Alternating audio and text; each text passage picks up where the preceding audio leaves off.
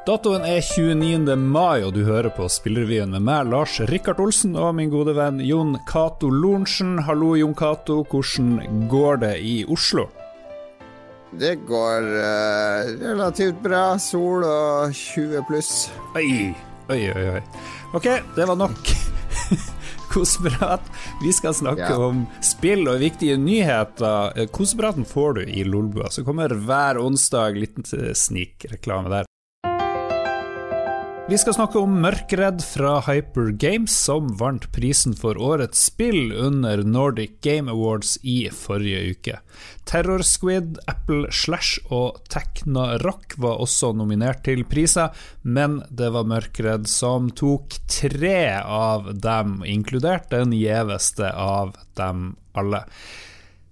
Vi har snakka med Are Sundnes i Hypergames om hva det betyr å bli overlessa av priser, som de har blitt i den siste tida.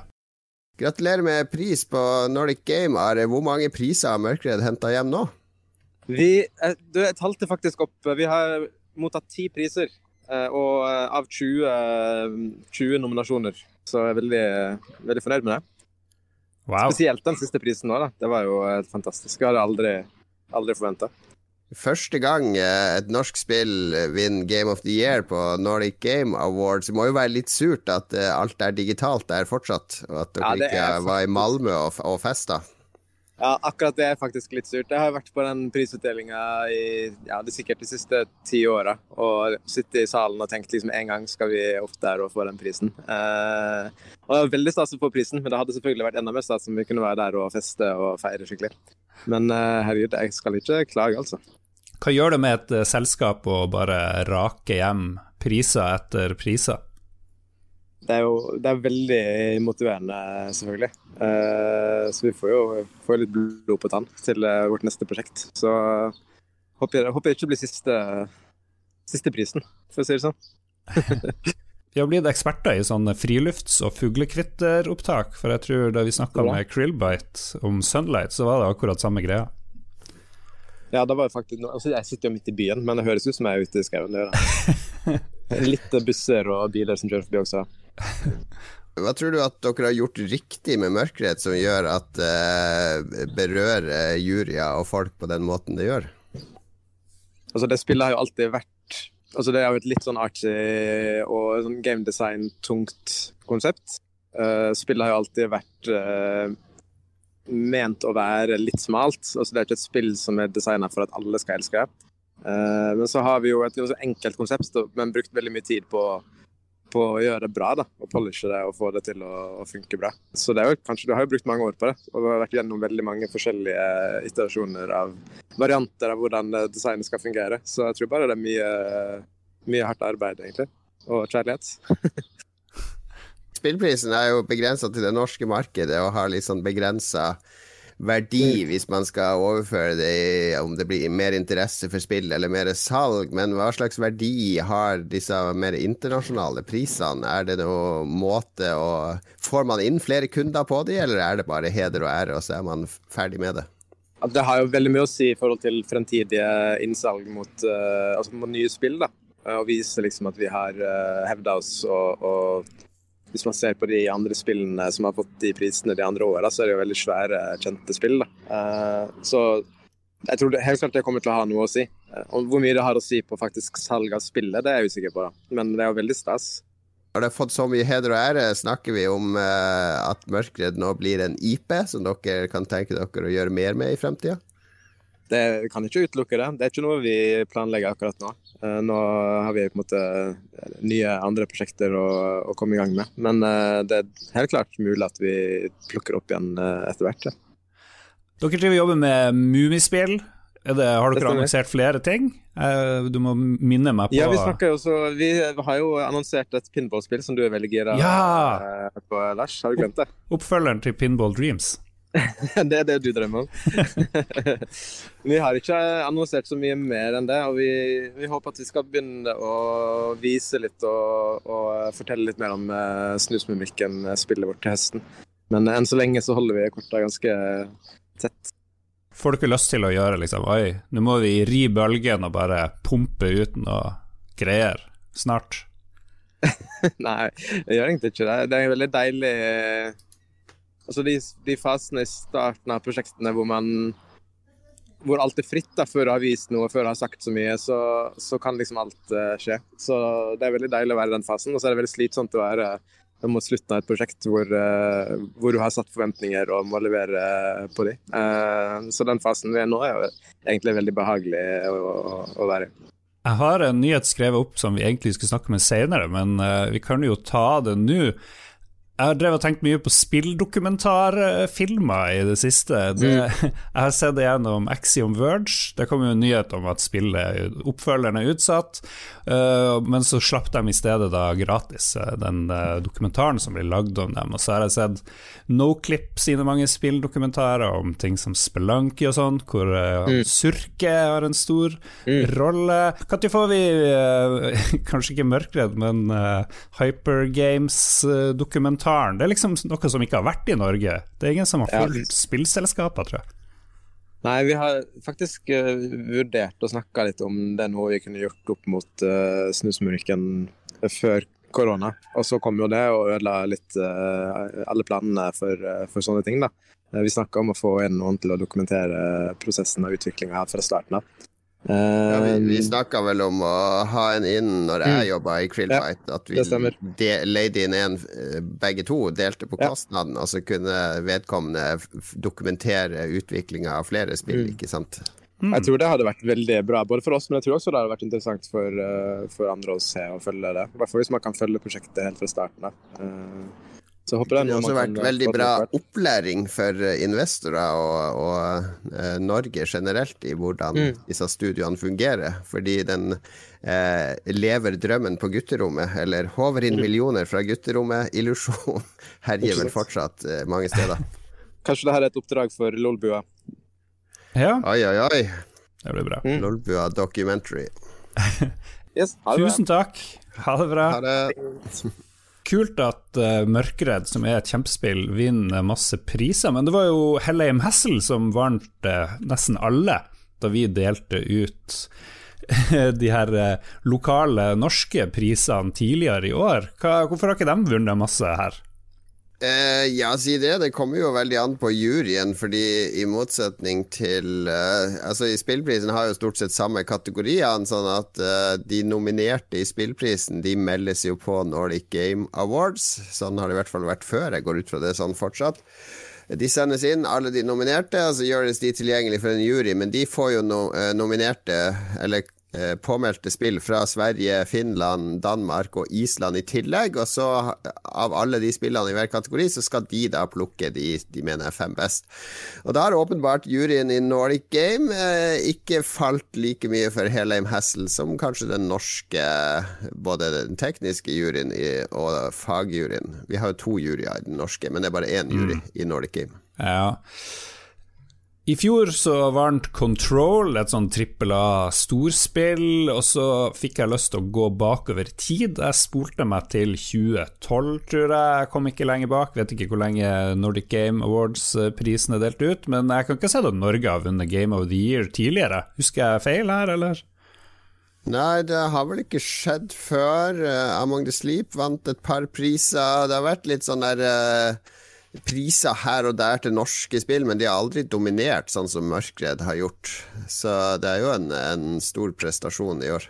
Altså Ikke for at vi skal disse prisene heller, men det har også vært ganske lite trippel A-spill eh, i, i, årets uh, uh, utdeling. da. Det er litt som at de store studioene, Dice og Massive og alle disse, er litt Eh, i sånn mellomfase mellom generasjoner av konsoller. Så at eh, hvis du ser på de andre nominerte, så er det litt sånn Det domineres av indiespill eller mindre spill. Det er uh, Deep Rock Galactic fra Danmark, det er Teardown, det er veldig bra spill. Mye bra spill de har konkurrert ut, men uh, det er liksom ikke Battlefield og uh, Division og mm. mange av disse andre Wolfenstein og andre sånne uh, gigantspill som har, som har vært i, i konkurranse her. Elleve norske spill fikk i forrige uke støtte på over 10 millioner kroner fra NFI. Mest går til Funrun 4, som støttes med 2 millioner kroner. 840 000 går til The Holy Gosh Darn fra tidligere nevnte Perfectly Paranormal, de som lagde Hellheim Hassel. Og her spiller du en engel som har 15 minutter på deg til å redde verden. Og utviklerne kaller spillet en blanding av Night in the Woods og Braid. Og det syns jeg er spennende. Jeg Gleder meg veldig til deres eh, neste spill. Også for oss, Jon Cato, din tidligere arbeidsplass eh, får penger til en VR-versjon av Among the Sleep. Så det spillet holder seg godt, virker det som. Aktuelt fremdeles. Ja, det, det, er et spill som fortsatt streames uh, mye, og som er uh, Som mange kjenner til. Og en VR-versjon av the Sleep var jo opprinnelig tenkt med det første spillet da det kom uh, for snart Ja, det er snart ti år sia. Men uh, det, det, det, er ikke alt som egner seg i det spillet i VR. Altså Hele spillet i VR er ganske intenst. Så uh, uten at jeg kjenner for mye til planene her nå, så tror jeg det er snakk om å stykke det litt opp og gjøre det til en sånn, litt sånn rendyrka VR-opplevelse. Mm. Er det noe annet spennende på den lista over elleve spill som får tilskudd? Ja, altså, det er jo interessant at Dirtybit eh, de fortsetter jo med disse funrun-spillene sine. En Circle Games får for et spill som heter Wigged Out. Det har de holdt på med en stund. Det har jeg prøvd. Det er sånn uh, uh, volleyballspill med, med, litt sånn renessanseestetikk. Uh, det er ganske artig, så jeg håper jo de klarer å lande det nå, med denne støtten. Og så er det jo og så er det jo veldig artig at uh, Seablip, uh, som også er sånn soloprosjekt Jeg vet jo hvor mye du elsker disse solospillene, ja. Lars. Uh, inspirert av Stardew Valley og FTL. Høres ut som en match made in heaven, egentlig. får, får en, en, god slump penger til å være soloprosjekt. Så jeg håper jo han klarer å lande det prosjektet snart. Ja, tidligere nevnte Axiom Verge er jo laget av én kis, Thomas Zapp, og musikk og koding og alt mulig. og midt oppe i produksjonen av det her uh, Axim Word, så dør ting, og ungen får sånne her helt forferdelige sykdommer. Sånt. Så det å være en soloutvikler eh, midt i en vanlig hverdag, det tror jeg er vanskelig. Så all ære til Seablip, så jeg gleder meg veldig. Flere medier melder at Netflix vurderer å lage en tjeneste for strømming av spill. Blant annet så skriver tech.no at spillsatsinga kan bli en miniversjon av Apple Arcade, hvor du betaler en viss sum i måneden og får tilgang til et bibliotek av spill. Er det her lurt av Netflix å, å prøve seg på spill? Ja, jeg er litt usikker her. Altså Ofte med sånne satsinger så er, de, er det kanskje ikke alltid at kunnskapen om hvor uh utfordrende er å lage gode spill, ligger bak, eller hvor mye finansiering det faktisk trengs. Og så tenker jeg vel kanskje at Netflix uh, ser Eller de ser at de kanskje mister noe verdi hvis de lager noe populært som blir til spill i andre kanaler, altså de uh, eh, IP-er som som uh, Stranger Things. Det har jo blitt uh, mobilspill og, og, blitt spillifisert på en måte at de kanskje vil ha mer eierskap over uh, den hele den opplevelsen. Spill og film slash TV-serier har jo ganske tette bånd, på godt og vondt. Ja, Netflix har jo prøvd seg litt med en sånn interaktiv historie hvor du får velge hva skal skje i historien, og så går episoden videre. Så de er jo allerede ja, de, inne på det. De har det. De har en del sånn barne- og ungdomsserier og en Black Mirror-episode der man kan liksom velge utfall uh, som uh, det, det, fungerer ikke helt perfekt, men uh, det er et artig eksperiment. Men om de skal ha en sånn ren spillstrømmetjeneste i tillegg til alt det andre, da, ja, da må de Det er ikke noe de klarer å lage over natta. Da må de jobbe tror jeg, et par år og så lansere noen sånn helhetlige TV-serier og filmer som støttes av spill i den tjenesten. Og så må jo de spillene være gode nok til at du faktisk har lyst til å se Zack Snyder sin Army of the Dead-film, og så etterpå spille spillet som utbroderer verden enda mer. Uh, har du sett den filmen? Stort. Ja, det er en ganske dårlig film. Det er helt forferdelig. Spillet hadde sikkert blitt bedre. ja, Google Stadia sliter veldig. De rekrutterte jo store stjerner og masse utviklere, så det er ikke, det er ikke lett, eh, det de eh, i så fall skal hive seg på. Nei, og så handler det litt om uh, de, de, gangene jeg har vært i dialog med Hollywood uh, Høres så teit ut å si at man snakker med Hollywood.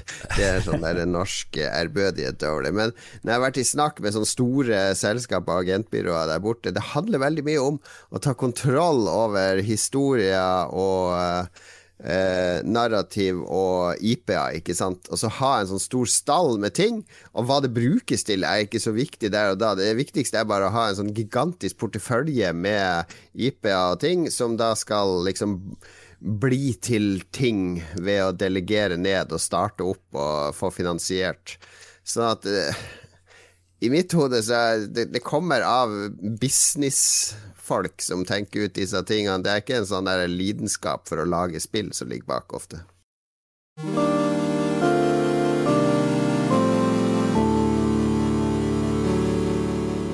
Det ryktes at Valve kommer med sin egen håndholdte spillemaskin Ars Technica skriver at Steam Pal er på vei, og maskinen skal ha trykkfølsom skjerm og kjøre PC-spill. Hva er greia med Valve, Jon Cato? De driver med alt mulig rart. VR-briller, hardware, og nå en sånn her bærbar maskin. Er, jeg blir aldri helt klok på det selskapet. De, de får, har jo så mye penger at de kan gjøre hva de vil, og da har de også De skryter veldig av at de har en sånn herre selskapskultur der hver ansatt har autonomi til å gjøre hva den ansatte vil, og da blir det vel ofte mye sånn der dilettanteopplegg ut av det, at man jakter på rare ting. Så den VR-greia deres den er fortsatt ikke mulig å kjøpe i Norge. Uh, uh, og hvis de kommer med en sånn håndholdt spillmaskin, så tenker jeg at den heller aldri kommer til Norge. Begrensa interesse for det, egentlig. Uh, jeg, jeg, føler at Steam eller Valve har liksom De har satsa og gått all in på VR. Eh, Half-Life, som du sa at de lagde en eller annen gang, det har de jo laga en VR-versjon av som er fantastisk bra. Eh, men fortsatt ikke Altså, det er jo spilt av millioner av VR-spillere, men det føles fortsatt som de holder på med å ikke kanskje videreutvikle markedet i de retningene som andre selskaper gjør, som går mm. mer på mobil, free to play og, og, det store globale Få de store globale massene inn, men at de har blitt en sånn nisjeprodusent for uh, spesielt interesserte. Ja, og så hver gang vi snakker om Vel, så må vi jo spekulere litt, uh, fordi det tror jeg mange er opptatt av. Når kommer, kommer det noe mer Half-Life? Kommer det noe mer Portal, tror du? Det, det, kom nettopp mer Half-Life i Half-Life Alex i VR. Det er det som er den nye Half-Life-opplevelsen til Valve. Der er de bastant. Kommer det mer Portal? Ja, det kommer faktisk en Portal-film med JJ Abrams, hvis vi skal tro på de siste nyhetene. Så eh, jeg vet, altså, vi, ingen vet sånn helt sikkert alle tingene som Valve eh, driver med. Men det jeg frykter, er jo at den der kulturen de har Det er litt som Are sa tidligere, at når du er i startfasen av et nytt prosjekt, da er alt gøy og spennende. Når du skal avslutte et prosjekt, da er alt uh, kjipt og tungt og mm. kjedelig. Mm.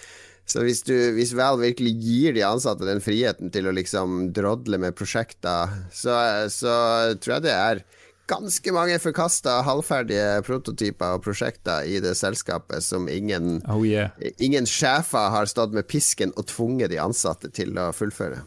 Ja, mer pisk i Valve, altså. Til slutt, får du lyst til å kjøpe en bærbar PC-konsoll?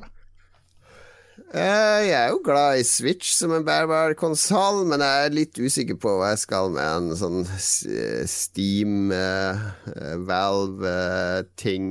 Kanskje. Jeg må Hvis jeg får lov å kjøpe den. Jeg har fortsatt ikke fått lov å kjøpe Valve Index, som jeg har prøvd på i et år, så la meg, la meg vente, avvente og se. Ubisoft ønsker å fokusere mer på free to play og mobilspill fremover. Selskapet har bl.a. kunngjort et nytt Division-spill som vil bli gratis å laste ned. Og de har snakka om hvordan dette markedet har blitt viktigere for dem. Samtidig understreker selskapet at de vil fortsette med tradisjonelle trippel A-spill. Jon Cato, våre type gamere er tydeligvis litt annerledes enn verdensmarkedet, fordi vi er veldig lite opptatt av free to play-spill, vi er veldig lite opptatt av mobilspill, egentlig. Hva er det som gjør at, eh, at eh, bl.a. Ubisoft gjør en sånn her dreining? Det skyldes jo av at alle emerging markets, altså Asia Pacific, som, de, som er kanskje det største spillmarkedet i verden, der er det mobilspill og gratisspill som gjelder, og det genereres enorme summer penger via disse spillene. Det har jo også trippel A-selskapene her i Vesten oppdaga at uh, altså de kan tjene Det er høy risiko, og så kan de tjene OK på å lage et stort konsollspill. Hvis de også får det ut på mobil og får det inn i hendene på en milliard potensielle kunder i uh, Asia, India, Kina osv., så, videre, så kan de 20-30-doble omsetninga på spillet. Så ja. det, er, det, det, er ganske ren business-sens, det her. Og så fungerer det i Vesten òg, i større og større grad. Fordi det paradoksale her er jo at gamere ikke sant, de er bekymra. De er redd for at disse storspillene Last of Us og Uncharted og denne type spill som man forbinder med de store, komplekse konsollopplevelsene, eh, tunge narrativ og personlige historier og eh, mm. spill som du får et personlig forhold til, at de skal forsvinne. Men samtidig så omfavner gamere i Vesten spill som Warzone, som er gratis, Call of Duty, eh, Apex Legends, som er gratis.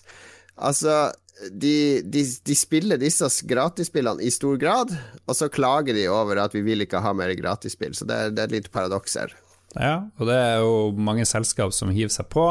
Eh, I 2019 så meldte Microsoft at eh, der de har mest healthy profit, det var i, i Free to Play, og så tror jeg du nevnte tidligere at Sony også De ser nå i hvert fall på mobilspill. Ja, altså Fortnite håver inn penger. Det er også et gratisspill, ikke sant. Og, og, og Free to play er én ting, men mobilspill, der er jo free to play-modellen den gjeldende. Og Sony ser jo at skal de virkelig øke inntektene, tror jeg de har sett, så må de få ut de store, kjente franchisene på mobil òg i en eller annen variant. Det blir jo ikke en, en ren konvertering av f.eks. Last of Us eller Horizon Zero Dawn eller Ratchet and Clank til mobil, men de vil se på hvordan kan vi gjøre dette til store megasuksesser også på mobil, som vil sikre enda mer inntekter. Så tror jeg ikke det er så så lenge de Altså Hvis de får mer inntekter òg, så betyr det jo også at det blir mer inntekter til å lage disse tradisjonelle spillene. Så jeg vil jo tro at du kan få litt i pose og sekk her.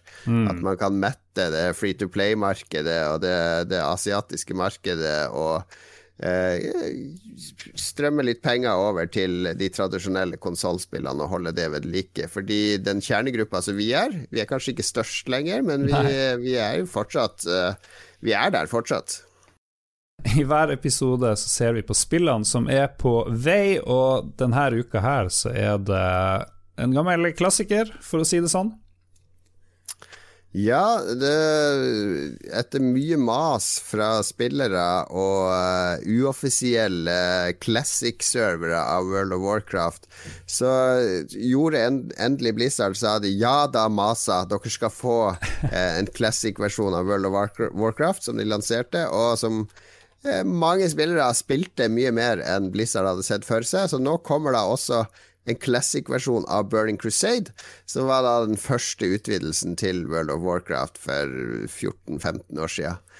Det ser ut som mange spillere er mer opptatt av å gjenleve det World of Warcraft egentlig var, enn å oppleve det World of Warcraft har blitt i dag. Du spilte litt classic, gjorde du det? Ja, det var fordi jeg aldri hadde tid å spille det da det kom. Altså, det, det, det, det, var, det var noe, er noe sånn litt sånn koselig og litt sånn hardere rundt den opplevelsen. Litt mer kompromissløst, som det går an å sette pris på. Så det var absolutt uh, gøy. Det, som jeg gleder meg mest til, er om 10-15 år, når vi får World of Warcraft Classic Classic. Altså når det skal relanseres enda en gang. At de skal resette og starte på nytt. All right. Jeg skal ikke spille Burning Crusade, som kommer 2.6, men det er det sikkert mange av dere som hører på, som skal. Det kan dere gjøre frem til eh, neste uke, men dere kan også høre på Lolbua, kommer på onsdager. Hør på Ragequit, de hadde en veldig artig episode som kom på fredag. Anbefaler den. Der øver de i å synge med munn og nesa igjen, med sensasjonelle resultat. Så det er mye på menyen fra Lolbua. Og så har du også Likko og gjeddas univers, som snakker veldig mye om mat og drikke og kos eh, rundt det. Du bruker å komme med et godt råd til våre lyttere på slutten av episoden, Jon Cato. Hva er det folk skal gjøre nå neste uke? Ja, Du må huske på at det er nye regler for elektriske sparkesykler. Ikke mer enn 6 km i timen på fortau, og ikke mer enn én person på. Altså Slutt å drive og stjele stoler fra sånne utekafeer og sånn for å sette på sparkesykkelen, så du kan sitte på den tjukke ræva di og daffe rundt i byen med dagskortet på sparkesykkelen din. Ta og Gå litt mer. Mange av dere hadde hatt godt av å ta mindre sparkesykkel og gå. Utrolig gode tips her. Vi er tilbake neste mandag. Ha det bra.